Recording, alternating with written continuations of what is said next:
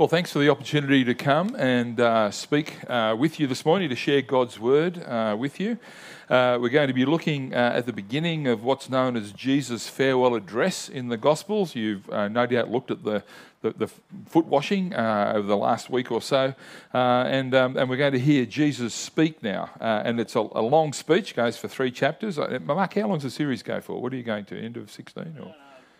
Yeah. Okay. So you're doing. Yeah. So you're going to see the whole speech uh, from now, uh, and we get to see the very beginning. Um, and uh, I want to suggest that as we hear Jesus speak to them, He's going to give us words which are very helpful for us to hear now. Uh, and so I'm going to pray that uh, God will uh, help us to hear that. Let's just quickly pray. Father, um, we pray that you will help us to hear Jesus' words clearly. Uh, help us to see their impact then, but also to see how helpful they are for us now. And we pray that you will just open our ears and open our hearts to receive this word in Jesus' name. Amen. Uh, may you live in interesting times. Uh, I don't know if you've heard that kind of uh, phrase before. Apparently, it's an old Chinese curse. Uh, this is not a positive thing to say. It's actually wishing ill on someone. Now, I don't know if it is a Chinese curse. No one really knows. Uh, I guess if uh, ancient words like this, you kind of throw them back to an ancient civilization. But it's a curse because it assumes that interesting times are disturbing. We want to live in kind of boring times because we can get on with life. But when we live in interesting times, uh, there's questions thrown up to us. And so the, the curse is, may you live in interesting times. I think we live in interesting times now. I don't know how you feel. Uh, we've been living in interesting times for some time now, uh, the last couple of years with COVID and everything else. Uh, we are well into 2023. Uh, how's it going for you? Feels like COVID's in the rearview mirror, sort of. But uh, there are many other times that are interesting for us now uh, there's a general uncertainty about what the future holds. We've now got a major war going on in Europe. Now, it's a long way away, but it's having an effect. Interesting times. We've got rising inflation, and those of you who've got a mortgage will be watching interest rates with interest, right? To say it kind of, you know, smallly. We live in interesting times. Uh, we, uh, we are now hearing more and more uh, about people and uh, going on strike. Uh, there is a general feeling, I think, of unrest, and we live in Australia, which is one of the kind of the more stable places in the world. I've just recently been in Europe, and you can you can feel the instability, the worry that people have about our world as we live in interesting times. And we sit here this morning as, uh, as believers. We're in a, a Christian church. Uh, if you read the papers during the week, you would have seen that uh, private schools, basically faith-based schools, are under attack again from our government. Uh, what are they? What are they doing? What's the funding going to be? There seems to be a, a regular uh, article in the papers every week uh, about uh, about private schools. Questions about gender and sexuality continue to confuse us and trip us up. Uh, as Christian people, we probably feel we remain a little less welcome in the culture uh, than we have been for the last uh, little, little while. Uh, it's getting a bit chillier around. I think we could say these are interesting times indeed. Interesting times. And there are big questions for us in the midst of interesting times. Who can we trust to get us out? Do we trust Philip Lowe, the governor of the Reserve Bank, to know what he's doing? Do we trust Anthony Albanese? Uh, we're going to be uh, voting in a state election in a couple of weeks, and you'll be asked to put your trust in either the Labor government or the Liberal government or the Greens or whoever candidates uh, are in this uh, particular area. In the middle of interesting times, we might be uh, asked the question what's the future going to be like? How's it going to all work out? Will it be happily ever after, or is it just going to be interesting forever? You know, what does that mean? Where's it going to end? Uh, and uh, is everything going to be all right? These are good questions, and I think they're questions we ask a lot, uh, even perhaps in the back of our mind. And uh, they're questions that the disciples wanted answered on this night with Jesus as well. Who can we trust? Is there a future? Is everything going to be all right? Uh, because they were having uh, an interesting night with Jesus as well. So, interesting times for the disciples. Jesus' last night with the disciples was, by all accounts, a difficult night. And uh, I think you probably thought a little bit about this last week or the week before. Um, it was a difficult night for Jesus, it was a difficult night for the disciples. Three good years were apparently coming to an end. They'd had three years uh, preaching and teaching and wandering around Galilee. They heard the voice of Jesus. They got all that teaching. They saw all the healings, all that sort of stuff. Uh, they suddenly thought maybe this is the fulfillment of God's promises. God's King, the Messiah, is going to be here. Good times are going to roll. But now it all seemed to be going to pieces. Uh, it looked like it was good, but now Jesus keeps talking about going away, and that doesn't sound good. Uh, maybe he's going to come back, but what does that mean? Things that the, the authorities were after them. Uh, the meal they were in, they had to organise the room secretly so they wouldn't be uh, found. Uh, the crowds are kind of with them, maybe not, starting to turn. Um, and everyone knew how fickle they were. Here they are, they're in an upper room somewhere in Jerusalem, and Jesus' talk through the night had been pretty ominous. The whole night started out confusingly when they came in, uh, remember Jesus washed their feet and kind of had a bit of a go at them because they should have organised the feet washing. It was a kind of embarrassing, it exposed them and shamed them at the same time. Peter tried to set things straight. Picture of him there on the uh, getting his feet washed. You can see how happy he is about it. Uh, you know, he uh, and he tried to set Jesus straight. You won't wash my feet, and Jesus set him straight. Unless I wash your feet, you can't have anything to do with me. Uh, that wasn't good. Uh, then the Lord starts to talk about going away. Uh, what does that mean? Uh, and he's going to a place they could not follow him. And this was troubling. And then he started to talk about betrayal. Judas goes out into the middle of the night into the dark. Where's he going? Or did Jesus send him out to do something? And then, then the Lord told Peter that Peter would deny him three times. Not a, not a great night maybe not the dinner party. Well, I don't know, dinner party you'd want to be at, but not involved in. Be good to watch, but uh, you know, a bit like blood sport. But it's it's a disturbing night. It's a troubling night. Interesting times indeed. What's Jesus going to say? Well, in the midst of this, Jesus gets up and says, "Do not let your hearts be troubled.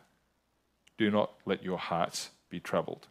And uh, as he says this, he kicks off what we know as this farewell address, which, as I said, goes for the next three chapters. I think the disciples had two big questions in mind. Uh, where are you going? With a kind of a why. And what are we going to do? And over the next three chapters, Jesus answers those questions. He teaches them where he's going, and then in chapters 15 and 16, he'll, he'll say, Okay, what, what are you guys going to do uh, once I'm gone? We're going to mainly focus on the where is he going slash why question in this particular sermon because that's what this passage is all about. But certainly, uh, if there was a word for that night, the word was troubled, troubling. It was a troubling night. Jesus earlier was described as being troubled in his heart. And now Jesus says, Do not let your hearts be troubled.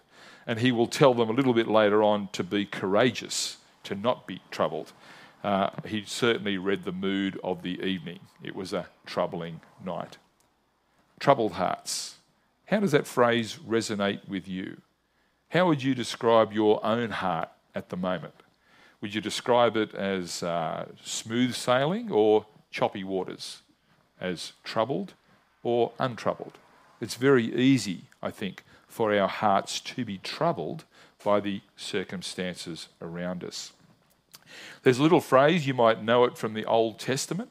Uh, when uh, sometimes when Israel got into trouble, the text describes them uh, as, as having their, their hearts melted. And I just think that's a fantastic phrase because I've been in situations where I've felt like my heart has melted. We, we would sometimes talk about going to pieces or going to water uh, when, uh, when times get tough uh, around us. But I think the disciples are feeling like their hearts are melting at the moment. It means their courage is draining away, that they're a bit of a loss as to where to go and what to do. Courage and hope is draining away. It describes well that fear. And in the midst of this, Jesus says to them, Do not let your hearts be troubled. And as he says this, this sounds a lot like God in the Old Testament when Israel's on the verge of the promised land, their hearts are melting because of the, the what's going to happen in front of them. Tribes, they, they, they, think there's giants in the land and all this sort of stuff. Uh, Jesus, uh, Joe, sorry, the Lord says to Joshua, "Be strong and courageous," aka, "Do not let your heart be troubled." In Isaiah 43, Israel is told to fear not. And both these occasions, whenever this is said, be strong and courageous or fear not, it's always followed by because the Lord is with you. Because the Lord is with you. What do we need when our hearts are troubled? Well, we need lots of things, but we need someone to trust, uh, ideally, God. And so Jesus does this. He says, uh, Do not let your hearts be troubled, trust in God. But then you see what he says as well? Trust also in me. Trust in God. Trust also in me. Now, you might expect Jesus to say, Trust in God. He's a Jewish person after all. And surely a Jewish person should point attention to God. Trust in God. He's got it all under control. This is a good thing. Take your eyes off your troubles and look at the one who can help you. Trust in God. But, and Jesus does say that, but did you hear what he also said? He said, Trust in God trust also in me. This is an outrageous thing for him to say. You see what he's doing here? He's equating himself with God. Who does Jesus think he is? Trust in God, trust also in me, putting those two things together. Why should they trust him? And as we hear those words, perhaps we can ask, why should we trust him? The short answer is we trust because of who Jesus is and what he has done. And this is the whole story of the Gospels, the whole story of the Bible. Uh, the suggestion that Jesus is someone that we can trust with our lives. And I think it's interesting to hear these words spoken to the disciples, but also into our own ears in our current circumstances. I don't know about you, but it is difficult to know who to trust in this world. Uh, politicians, teachers, uh, lawyers. You know, where do, where do we go? Who do we trust? Our friends, uh, all this kind of stuff. Our, our world will not encourage us to put our trust in Jesus. Uh, and yet we hear these words now. This is what Jesus asks how can we put our trust in Him? One thing we do understand, uh, however, is that we cannot trust uh, uh, what or who we do not know.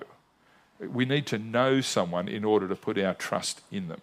Uh, and this raises a question for us Do you know Jesus well enough to put your trust in him? And I guess this is a question the disciples were asking that night. Jesus is saying, Put your trust in me. Do we know him well enough? And we'll come back to this question. But let's look at the next thing that Jesus says as he speaks to his disciples. As he goes on, uh, he gives them a very extravagant promise, and it's there in verses 2 to 4. Uh, why is Jesus going away? Well, he says, My Father's house has many rooms. If that were not so, would I have told you that I am going there to prepare a place for you? And if I go and prepare a place for you, I will come back and take you to be with me, so that you may also know where I am. Jesus promises a place for the disciples. Wherever he is going, whatever that means, he's going to prepare a place, a space for the disciples, for his people. He will have to go away for a little while and he will come back. But in the meantime, he's preparing a place where they can go and be with him. Now, we traditionally understand this as uh, Jesus referring to what we would call heaven or the new creation, to be a place with God. The images of a house and a rooms were relatively familiar in the ancient world for, for various pictures of the afterlife. And Jesus here is almost speaking like a servant who is going to go to a place, prepare it, get it ready, so that his people can come to it. Now, he doesn't tell us much about it, but the one thing he tells us is that there will be plenty of room. In my father's house, he says, there are many rooms. The older translation, I think, was many mansions or something like that. If you've got an older Bible, that doesn't make a lot of sense. But rooms certainly makes a lot of sense. It's, it's a big house. Uh, there is room for all. There is a vacancy. You know, when you're driving, you want to get a hotel, you see that no vacancy sign. Not, where, not very welcoming. The vacancy sign is always open over Jesus' house. Our God is a roomy God, He's a hospitable God. He has the resources as well as the desire to extend hospitality to many people, to us. But it's not just a place that Jesus is talking about. I, I, like the imagery of a house, but Jesus is talking about a more profound reality than that. See what he says in verse 3. He says, I will come back and take you to be with me, so that you may also be where I am. So he's not just giving us a room in a boarding house, he's taking us to be with himself. He's promising a relationship, a relationship which, if we understand it, will last forever. We will be with the Lord, we will be welcomed into his arms, and we will be with him forever. A room is nice, but it's even better to have a relationship, especially with the living God. Our ultimate destination, where Jesus is going to prepare a place, is not just a place, but it's a person. He is preparing us to be with Him forever. There will be a warm welcome. The next interesting thing is that Jesus says is that he says they know the way to the place where he is going. Now, uh, Thomas, uh, of course, pipes up and says, We don't know where you're going. In, in, the Gospels, Thomas always, he's like Peter, leads with his mouth or with his foot uh, in his mouth. Uh, we don't know where you're going. Tell us. How can we, how can we know the way? And Jesus replies with those uh, words that Mark reminded us at the beginning of, the, uh, of, the, of the, our, our time together. Jesus says, I am the way, the truth, and the life. No one comes to the Father except through me. Jesus' point is not geography, but relationship. We don't need a map so much as an introduction. If we want to come to the Father, Jesus will introduce us to the Father. Jesus is a bit like, uh, hear this right, but he's a bit like the secretary of the boss. No one gets past the secretary, right? But if you want the introduction, you, get the, you go to the secretary, and the secretary takes you to the boss, unless, unless you're a child of the boss, straight through. And so, because of what Jesus has done, straight through because we are children of God. Uh, we can come into the Father's presence. I am the way, the truth, and the life, Jesus says. Uh, in this statement, Jesus is, is putting accent on the way. Another way of translating this would be I am the true way to life. I am the true way to life. the fact is that Jesus is the truth and the life really contributes to the fact that he is making a way for us to be with God, to be with the Father forever. He's talking here about a way to get back to God, a way to get back to the Father, a true way, and of course, a way that means life, because to know God is to know life. Now, behind this understanding, of course, is the thought that we have lost our way, that we need a way back. And, and that is the story of the whole Bible, of course. We need help to get back on the right path. As Mark pointed out at the beginning, this is another outrageous thing Jesus says. Jesus is, is he's always saying outrageous things, isn't he? Uh, you know, trust in God, trust also in me. Now he says, I am the way, the truth, and the life. He doesn't say, I am a way, a truth, a life. He says, I am the way, the truth, the life, an exclusive claim. And only Jesus can say this because only he dies on the cross, uh, as we understand it. The other thing, of course, is he says, uh, I am the way. He doesn't show us the way. He doesn't say, the way's over there, off you go. He doesn't point out the way. He doesn't reveal the way. He doesn't indicate the way. He doesn't suggest the way. He says, I am the way. So it's a little bit like uh, he is not a guide to God so much as uh, if you think about bushwalking, we don't just kind of follow on Jesus as the leader. He picks us up and puts us in his backpack and carries us there. It's a, it's a, he's really extreme in what he's saying. He takes us all the way. Jesus is the way because he makes the way. He is rejected, he dies, he's in agony, he bears our sin on the cross, and he's raised again to win forgiveness so we could return to God. We owe it all to Jesus. He doesn't just give us good advice or guidance, he is our way back to God. So, this is a wonderful promise uh, a place, a relationship, and Jesus will do it all. But there's a little bit more. Jesus says uh, that we can trust him. He says uh, we can know that He's prepared a place. He says we can truly know God. We can truly know God. And uh, he goes on to say this, uh, where um, he says, uh, Lord, uh, Philip asked, Lord, show us the Father, that will be enough. Jesus answered, Don't you know me? Anyone who has seen me has seen the Father. How can you say, Show us the Father? Don't you believe that I am in the Father and the Father is in me? What Jesus is saying here is that in him, he is revealing who God is. Now, to truly know God might not seem the most obvious thing for interesting times, but this is the foundation of everything else that Jesus says. Jesus came so that we could know God. And, uh, and this is what we need because to know God is to truly live, to be who we were meant to be. You see, to know God is, is, to, is to, to do more than simply to know about Him if you know God, you can say, well, yes, He's omnipotent, He's omnipresent, He's you know, omni this, omni that, uh, lives in heaven, does this, does that. All that's, that's information. But when Jesus says you can know God, He means that you can uh, not only acknowledge His existence, but you can know Him truly, you can know Him intimately, you can know Him deeply, you can be in a friendship with Him, you can be part of His family, and you can know that you are truly loved by Him we know God in truth and in life. Uh, how can we do this? Uh, well, Jesus says He is the key. If you know me, you know the Father. If you've seen me, he says, if you've seen the Father. Like father, like son, a little bit like this picture, though that's not quite the, the exact resemblance, doesn't quite get us there. But you know that when you see a baby, they say, oh, it looks just like his father, just like his mother. You know, you can see the parent in the child, the child in the parent. I can't tell. All babies kind of look the same to me for a while.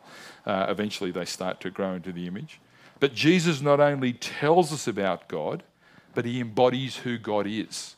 He shows us who God is. He shows us what he is like like Father, like Son. We see God's body language in Jesus. What's God like? He's just like Jesus.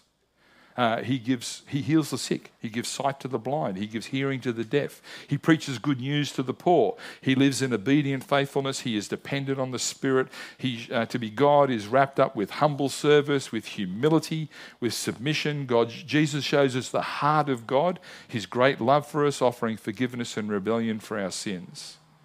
If you know Jesus in interesting times, you can rest secure in the knowledge that you know God. And more importantly, God knows you, that you're in a relationship with Him. You can know that He has a plan. You can know that His plan will work. You can know that His promises are true. So, in troubled times, Jesus offers us someone to trust, a promise that there is a future, a hope, and that we can know God and all that means. Do not let your hearts be troubled.